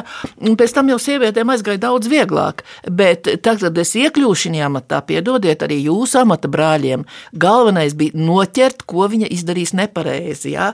Man, kā saka, ne tikai uz nagiem skatījās, bet arī uz kurpēm, kas ir kājās, un, un nerunājot par visu pārējo, nerunājot par to, ka mēģināja uzlauzt mājas pagrabu, lai Zapsburgu paņemtu. Nu, es tajā laikā vēl žurnālistikā nestrādāju, bija gana maziņš, bet jums tiešām arī piekasījās pie izskata, Jā, ļoti, pie apģērba. Pie, pie, vai viss tika, ap, viss tika apspriests, jo sākot skatos, no runām. Viens sešas dienas pēc jūsu ievēlēšanas Rīgā Jā. vizītē ierodās eh, Velsas princis Čārls, Jā. tagad eh, karalis Čārls Jā. III, un faktiski viena no pirmajiem jūsu darbiem Jā. ir arī uzņemt Čārls Jā. Rīgā. Jā, uzņēmu godam, mani bildi mājās, un es tagad saku, es kopā ar karali. Tagad es saku karali, lai gan toreiz bija kurio Krievs. Nu, Gaļkungs bija blakus man stāvēja, ja? nu, un tā es sapratu, cik mēs tomēr tajā brīdī au, pārāk augstu sevi vērtējam starptautiskā mērogā un acīs, citu acīs. Jā? Jo Čārlis, kad sāka man stāstīt par Latvijas baltām cūkām, Ja, tā es sapratu, ka viņš ir skatījies encyklopēdijā Britānikā par 20. gadu Latviju. Ja, un tas arī, un kā man prasīja, nu kā, kā princis, es teicu, es esmu ļoti priecīga, ka es neesmu princese Diana. tā bija tā frāze, ko es atbildēju, ja, ka es, nu, nu viņš ir angļu snobs, aristokrāts, jā, visu cieņu viņam. Nu, tagad es tā nedrīkstētu runāt par karali, jau tā nedrīkst teikt, jā, bet toreiz, jā, viss notika, un nekas, ne, un visiem ar zināmu tādu skaudību, nekas nenotika tāds, kas nedrīkstētu notikt, jā. Tā kā viss tas izgāja tā cauri, viss bija ļoti labi, un pēc tam jau ārkārts man bija interesants tikšanās ar, ar Francijas senātu priekšsēdētāju, kas bija vienkārši lieliski, jā, un, un šis sievišķais moments, es nekad nemēģināju profesionāli to izmantot, izmantot, bet reizēm vīru kompānijā, it īpaši Eiropā, ka mēs aizbraucām, tas bija tā saistoši, jo komisijas priekšsēdētājs apsēdās vienmēr man blakus, nevis kādam no, no citas valsts pārstāv, pārstāvim. Un no jūsu laika saimnes priekšsēdētāja amatā viens fragments, 4. māja svinīgā runa. Paklausīsimies! Tad, kad tauta novesta līdz galējam izmisumam, tā ķeras pie galējiem līdzekļiem, un tas var novest pie valsts neatkarības zaudēšanas. Gribu ar pilnīgu pārliecību teikt, ka to ir sapratusi gan sestā saima, gan tās apstiprinātā valdība. Nevienai, ne otrai nav tiesību vairs, vairs eksperimentēt. Jebkura kļūda un neveiksme mūsu darbā maksā pārāk dārgi. Tā ir sastāvsājuma. Un runājot par, par sesto saimu, un par to man ir vēl viens, ne tikai pirmo reizi sieviete vada saimu, bet pirmo un pēdējo reizi Latvijas vēsturē apstiprinot valdību ir, neitrāli, ir neizšķirtais balsojums. Jo Latvijas satversme paredz, ka 50 pret 50 e, balsojumu gadījumā notiek otrreizēja balsošana un lēmums netiek pieņemts. Un man bija jā, jānovada šī situācija, jo pirmais šis satiek, satiektā situācija 50 pret 50, visi lec kājās, katrs kaut kur skrien, saglabāt šo mieru un klausīt juridisko biroju un juridiski novadīt nekādi pārtraukumi, nekādas sarunas, zvans, atkārtoti balsojums. Lai arī šis balsojums ir negatīvs tavam partijas priekšsēdētājam. Jā? Man pēc tam teikt, vai tu tur nevarēji kādu? Nē, kārtība, kā, saka, kā mēs reizēm tagad katedrā smējamies, eh, kaut slikta, bet kārtībai jābūt. Jā?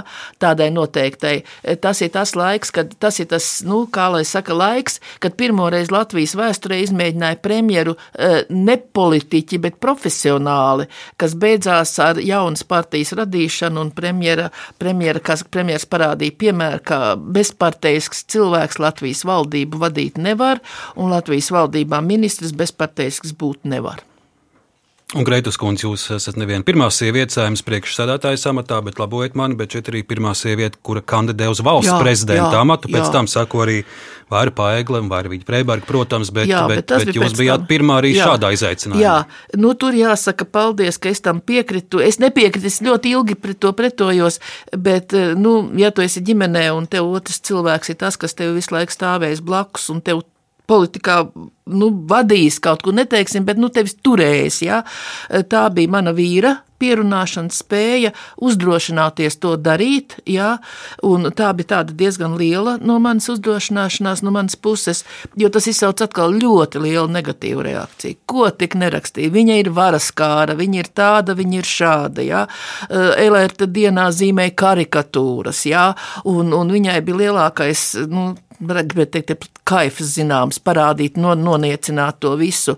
Mm, un man bija cilvēki, un, bet šoreiz man nodeva manas partijas saimnieka mm, priekšsēdētāja Ziedoņa Čevera baigās bailes par to, ka es stāšos viņa vietā. Un ļoti labi, ka jūs šo faktu pieminat, jo man ir nākamais fragments sagatavots no saimnieka konferences. Tas ir 96. gada jūnijas, šajā fragmentā ziedos, dzirdēsim Ziedoni Čeveru, kurš saka, ka visa frakcija ir vienota jā, jā. atbalstam tad? par ilgu kreitus. Kā tad? Nu, noklausīsimies fragmentu. 96. gada jūnijas. Mūsu frakcija saimā ir vienota balsojumā par ilgu kreitus kā mūsu valsts prezidenta kandidātu. Zināmā veidā man ļoti žēl, ka atsevišķi politisko partiju līderi, netiekot skaidrībā ar savām partijām un savu partiju programmām, mēģina bāzt savu degunu citas partijas iekšējās lietās. Vispirms jau es pārliecinājos, ka Latvijā varas kāra, ja pretendē uz prezidentu, ir tikai sieviete. Izrādās, ka, ja viņa grib būt prezidente vai partija, tad tā ir varas kāra.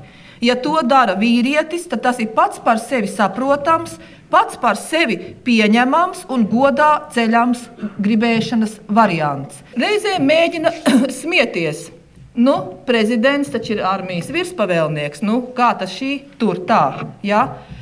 Bet es atbildu vienkārši. Armijas virspavēlnieks nav tas, kas bruņķos un zābakos soļo armijas priekšgalā. Tās ir pilnīgi citas funkcijas un izpratne. Nu, tagad jums nāk smiekli, bet, bet toreiz tā, Jā, tā, tas, bija. tā tas bija, un tas bija ļoti aktuāli un brauca virsū. Es domāju, ka es diez vai būtu vispār aizgājis līdz galam šī procesā, ja man nebūtu vīrs blakus, kas man nu, balstīja, cik bija iespējams. Bet Čevers šeit melo, atklāti melo, lai viņš man piedod tagad, ka es tā pasaku, jo tās balss, ko es, ja nekļūdos 25 vai 26, ko es savācu tajā brīdī, ja, jo daļa arī nebalsoja, nenāca no saimnieka frakcijas, no tās nāca tikai puse. Pārējie bija cilvēki no citām partijām, kuri toreiz pie slēgtā balsojuma varēja atļauties nepakļauties partijas disciplīnai. Un man pat bija no, toreiz no tēvzemiešiem, kad pienāca arī nelaiķis viens deputāts, kurš teica, es gribu par tevi balsot, es tevi atbalstītu visu laiku, jo tas, ko saka man pretī, neatbilst manām interesēm. Bet tā ir politiskā spēle, kur jāpieņem kā ir, un man ļoti liels prieks, ka es varēja pēc tam neklātienē nodot šīs funkcijas citām sievietēm, kuras jau gāja daudz drošāk un, un, un pārņēma varu visā pilnībā. Un, un man vislielākais prieks par to, ka tā bija Vairvīķa Freiberga. Un pienāk 96. gada 18. jūnijas valsts prezidenta vēlēšanas. Tātad ar 53 balsīm jau pirmajā kārtā matā atkārtot tiek ievēlēts Gunts Ulmans. Jums 25 balsis, Imantam Liepam 14, Alfredam Rubikam 5 balsis. Tagad mēs fragmentā dzirdēsim jūsu pirmo komentāru, pirmo reakciju žurnālistiem pēc prezidenta vēlēšanām. Man par sevi jāsaka tā, ka fonds uzvarēja sabiedrisko organizāciju. Sabiedriskā organizācija Ilkrētus Latvijas prezidents zaudēja fondam rokas nost no saimnes priekšsēdētājs. Es nepārdzīvoju to, ka es neesmu kļuvis par valsts prezidentu, jo politisko spēku samēri jau bija iepriekš zinām un skaidra lieta, kas un kā. Te mēs dzirdam arī vienu no kandidātiem, Imantu Liepu. Kas ir, kas ir tas nu, manai paudzē jau nebūs vairs saprotams, kas par fondu, kas par organizāciju. Jums bija savs, savs fonds, kas jā, jūs atbalstīja. Jā, jā, jā bija, tas bija lielā mērā mana vīra iniciatīva. Bija tāda. Tur bija mm, arī no tautas pazīstami cilvēki, e, kuri atbalstīja to ideju kā tādu, jo e, neviens jau īsti nesaprata, kā veidot prezidenta priekšvēlēšanu.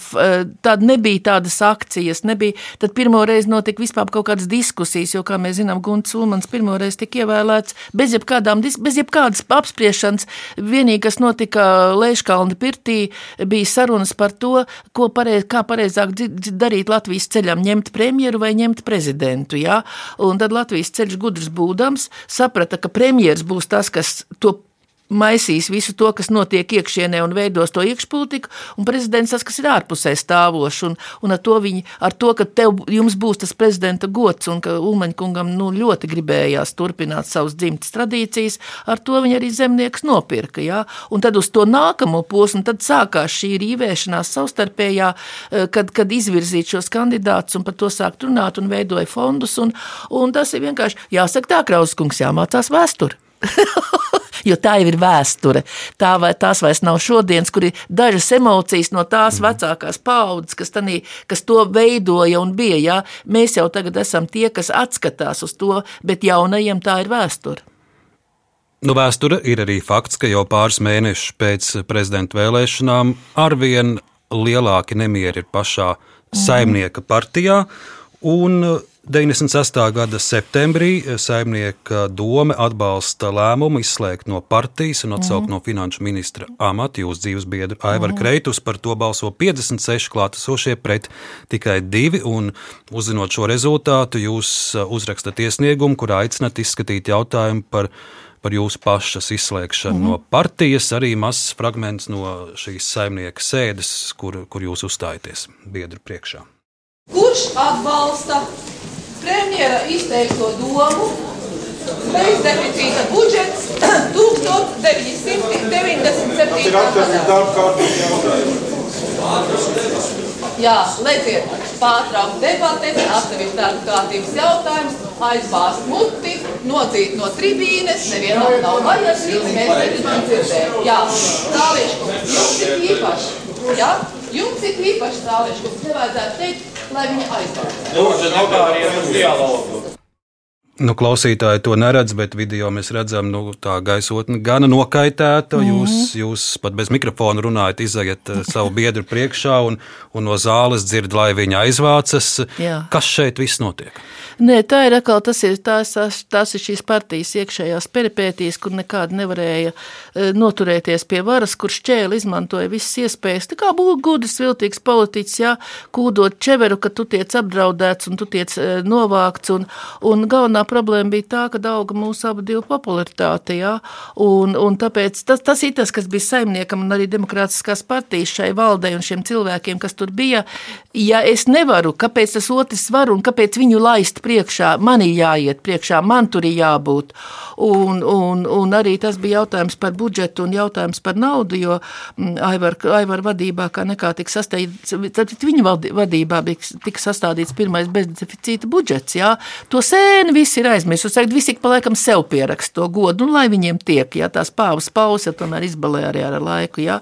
Tāpēc šī nepatika pret to, kad, un arī tas, ka mēs bijām divi, kas ir kopā, un, un tas arī bija tā netipiski priekš, jo, jo saprotiet, bija šausmīgs kurjos, jo vienu brīdi mēs, es biju saimnes priekšsēdētāja un Aivars bija finanšu ministrs. Jā, un es laikam biju tā, kas brauca kopā oficiālajās vizītēs kopā ar dzīves biedru. Un tad tie otrā pusē nezināja, ko darīt. Jā, pieņemt kā vīru vai pieņemt kā ministru. Jā, un man pašai tāda kurioza situācija bija Vācijā, kad Aivars aizbrauca. Es paņēmu atvaļinājumu un aizbraucu līdzi vienkārši uz, uz trim dienām atpūsties. Un tad viņi nezināja, kur mani likt. Jā? vai, vai mani, kā saka, kā sievu izklaidēt kopā ar citām sievietēm, tur vai šopingu vai kaut ko, vai es piedalos tajā seminārā, kas notiek un runā par finansēm. Nu, es paliku seminārā. Jā? Tā, kā, tā kā šādas lietas toreiz tas politikā bija tāds nu, mēs vispār bijām, kā Dārdas acīs, daļēji ar to, ka kopā ar to, ka mēs arī neslēpām pirms laulībām savas attiecības, jā, saimā bija dažādi, piedodiet, arī tagad ir dažādi pāri, jā, bet cik no viņiem ir, ir nu, atklāti izgājuši pret cilvēkiem, jo man tāda slēpšanās un tur nodarbošanās pa kaktiem un apspriešana, kurš ar kuru un kāpēc šķita pilnīgi nepieņemama, un tas daudziem šķita nepieņemams, ka, kāpēc viņi tā dara, jo es zinu, ka pat, pat viens partijas biedrs kas pirms mūsu kāzām bija Aivaram teicis, nu es jau saprotu, ka tu pie viņas tur piebraukā, bet tu tā mašīnu nevarēsi stūri atstāt, jā? Jā, jā, tāda mums bija partijas biedra un tāda bija tā mācība, no kuras, nu, man tas viss vienreiz, kā saka, piegriezās, ja tā var teikt, jā, viss kopā, un kad šāds ceļš kādu taisījās Čevers iet un tām, nu, mm, likuma lietas, lai risina citi, kas tur bija likumīgs, kas nebija likumīgs un kādā veidā, bet, bet tā kompānija nebija manā garā, un, un zinot manu riebīgo mēli reizēm un ne, tādu pāsu raksturu, ja, ko es atzīstu, kas nav labs politika. Tas arī man ir traucējis reizēm. Tagad es vairāk māku iekost mēlē un nepateikt, bet toreiz es varēju pateikt arī partijas vadītājiem ģīmī, ko es par viņu domāju. Nu, mīļā stundiņa pateikt vienam iedomīgam partijas vadītājam, ka, ko tu par viņu domā un par viņu prātu spējām, nu, un te jūs cerat sēdēt amatā. Nu, lūk, asā mēlē droši vien bija izšķiroša arī tajā, ka jūs zaudējāt saimnes priekšsēdētāju amatu. Jā. Es eh, ar interesi tūlīt noklausīšos jūsu stāstu, kā tas bija, bet mums eh, šajā raidījumā Pavasarī bija Alfrēds Čepāns, un viņš Jā. mums izstāstīja savu versiju, kā viņš kļuva par jūsu pēcteci un saimnes mm -hmm. priekšsēdētāju. Līdz ar to man būs interesanti salīdzināt Alfrēda Čepāņa atmiņas un jūsu stāstu. Noklausīsimies bijušo saimnes priekšsēdētāju Alfrēdu Čepānu raidījumā Laikmetu kruspunktā šā gada pavasarī. Nu, es par saimas priekšsēdētāju esmu to arī publiski teicis nenokļuvu savu izcilā prāta un, nezinu kādu tur citu izcilo īpašību dēļ. Ilga Kreitus neapšaubāmi gudrs cilvēks un enerģiska sieviete, bet viņai reizēm pietrūka tādas, tādas kā iecietības pret citādi domājošiem. Nu, pret to pašu Eduardu Berklavu.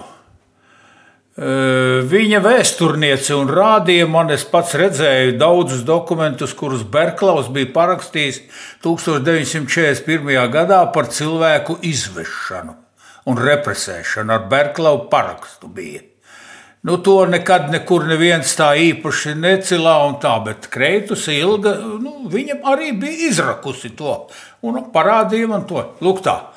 Bet viņa bija tāda, nu, nu nu, neiecietīga pret citu viedokli. Viņai vajadzēja vai nu glaudīt pa spalvai, vai tu kļūsi par viņas, teiksim, nu, oponentu, neteiksim, ienaidnieku. Un, nu, tad tad uh, viņa salicās ar mūsu tā laika partijas vadītāju Ziedoni Čeveru.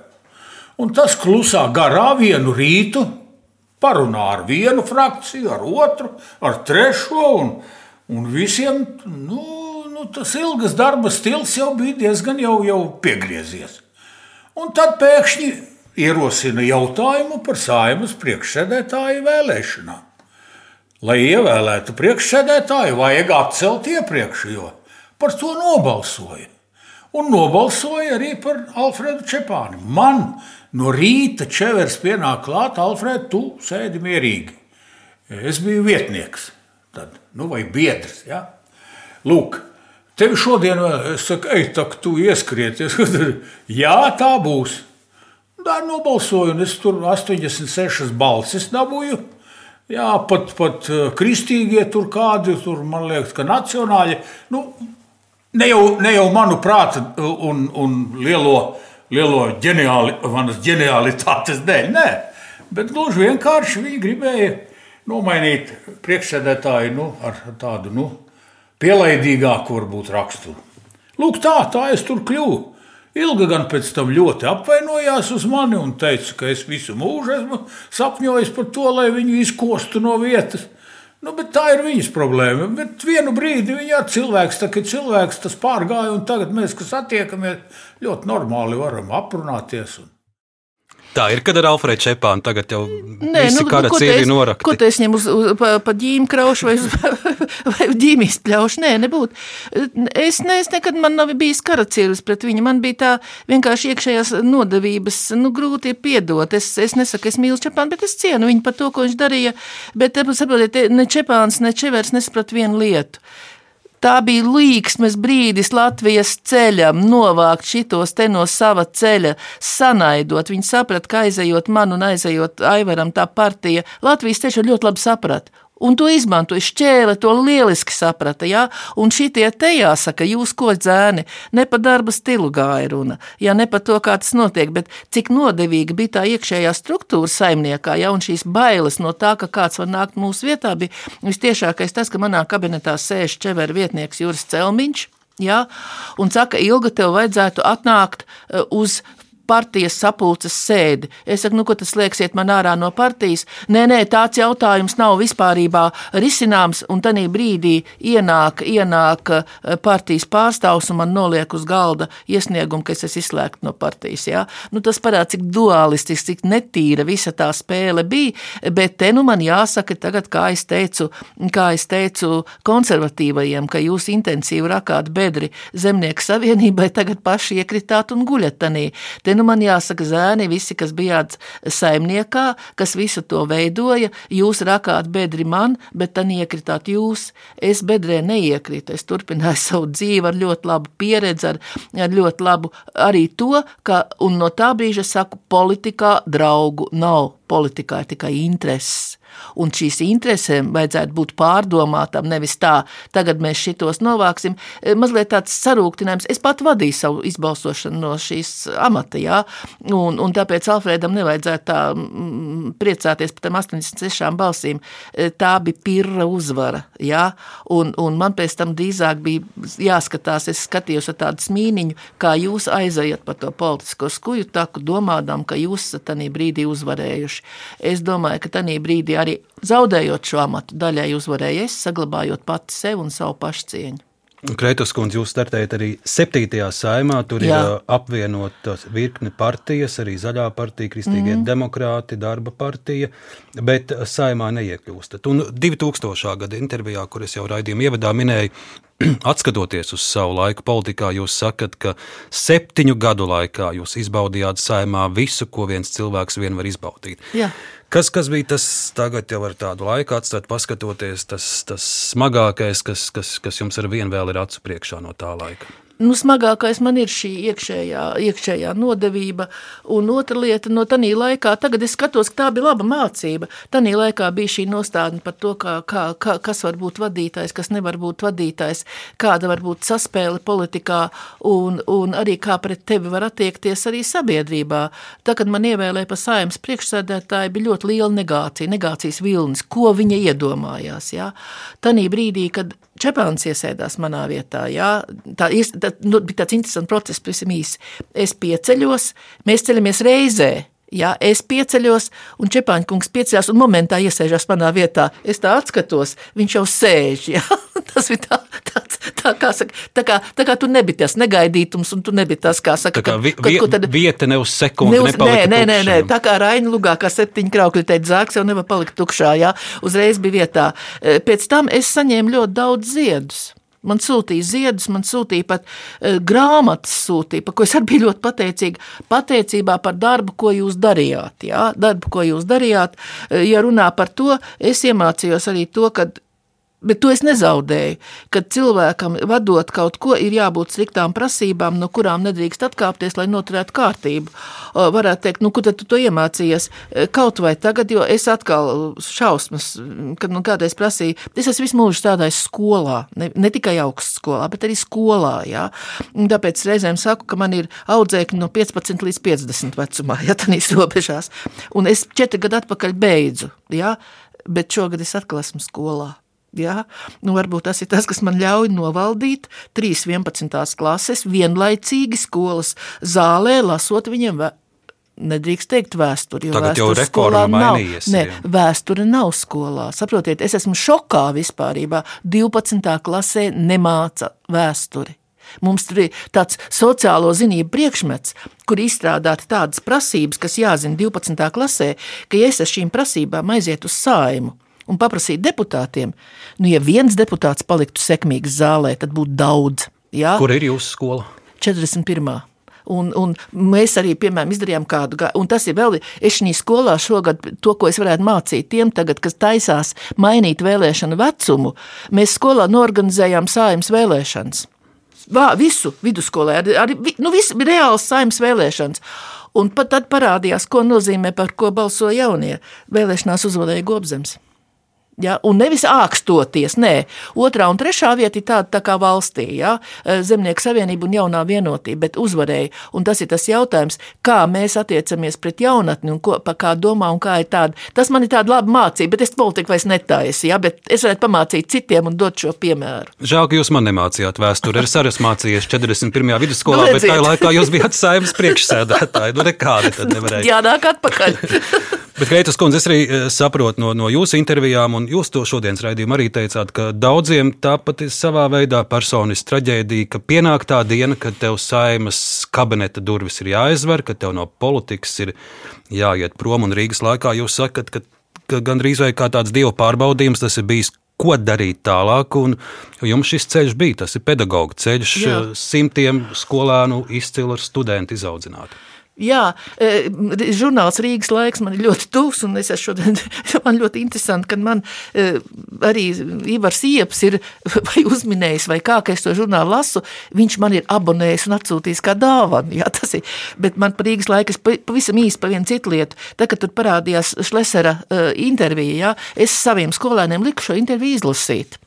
Mums intervija stāvēja skolas plauktā, un tad bija viens no skolēniem uzrakstījis tādu, uh, nemācīsies vēsturi un latviešu valodu runās kā šlesers. Mums bija tāds, tāds šis uzlikums, jā, tāds.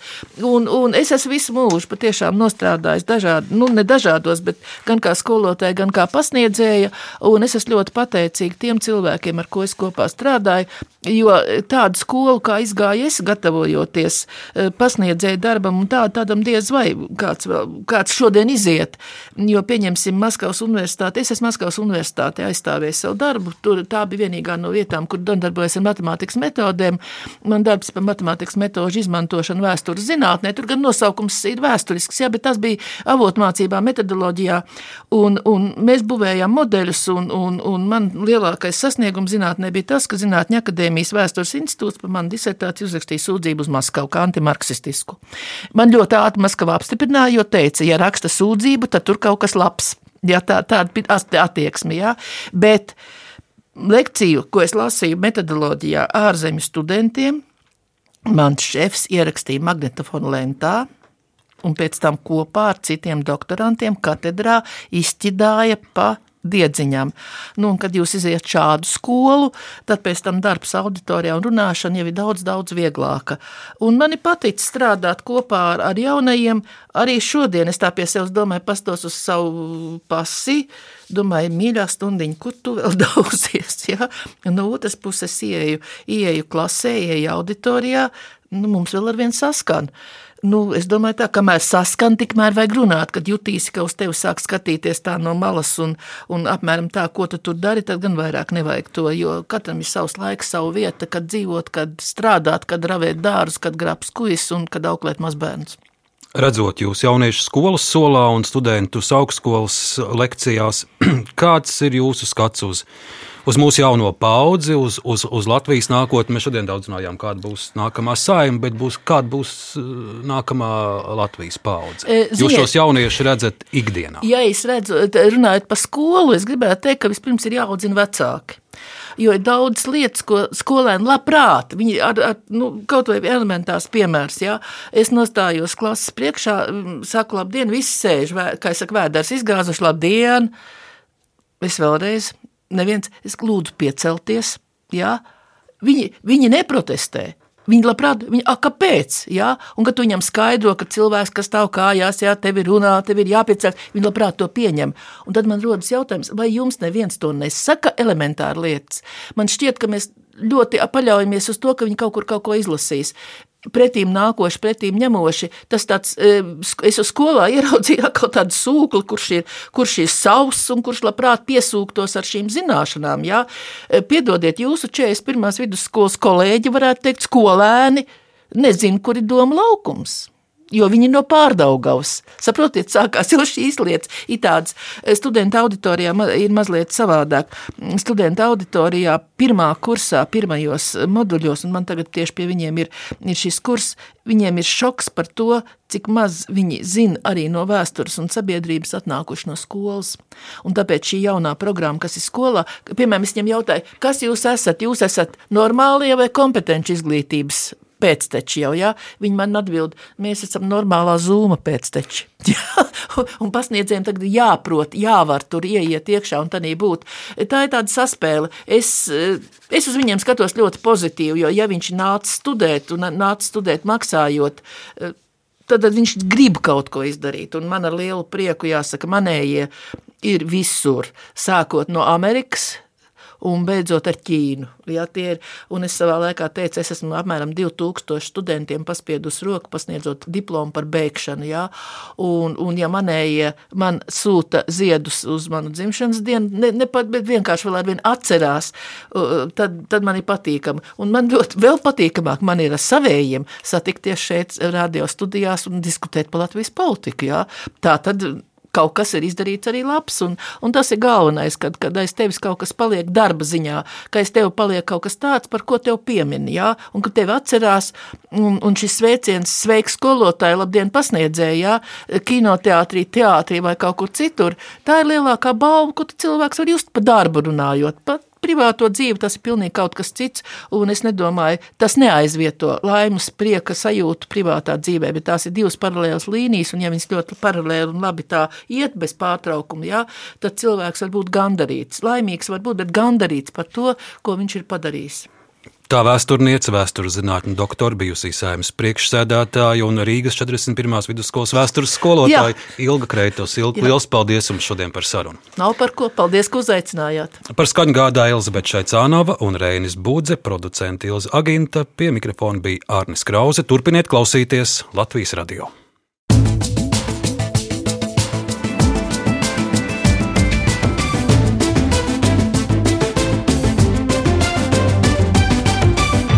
Laikmeta krustpunktā.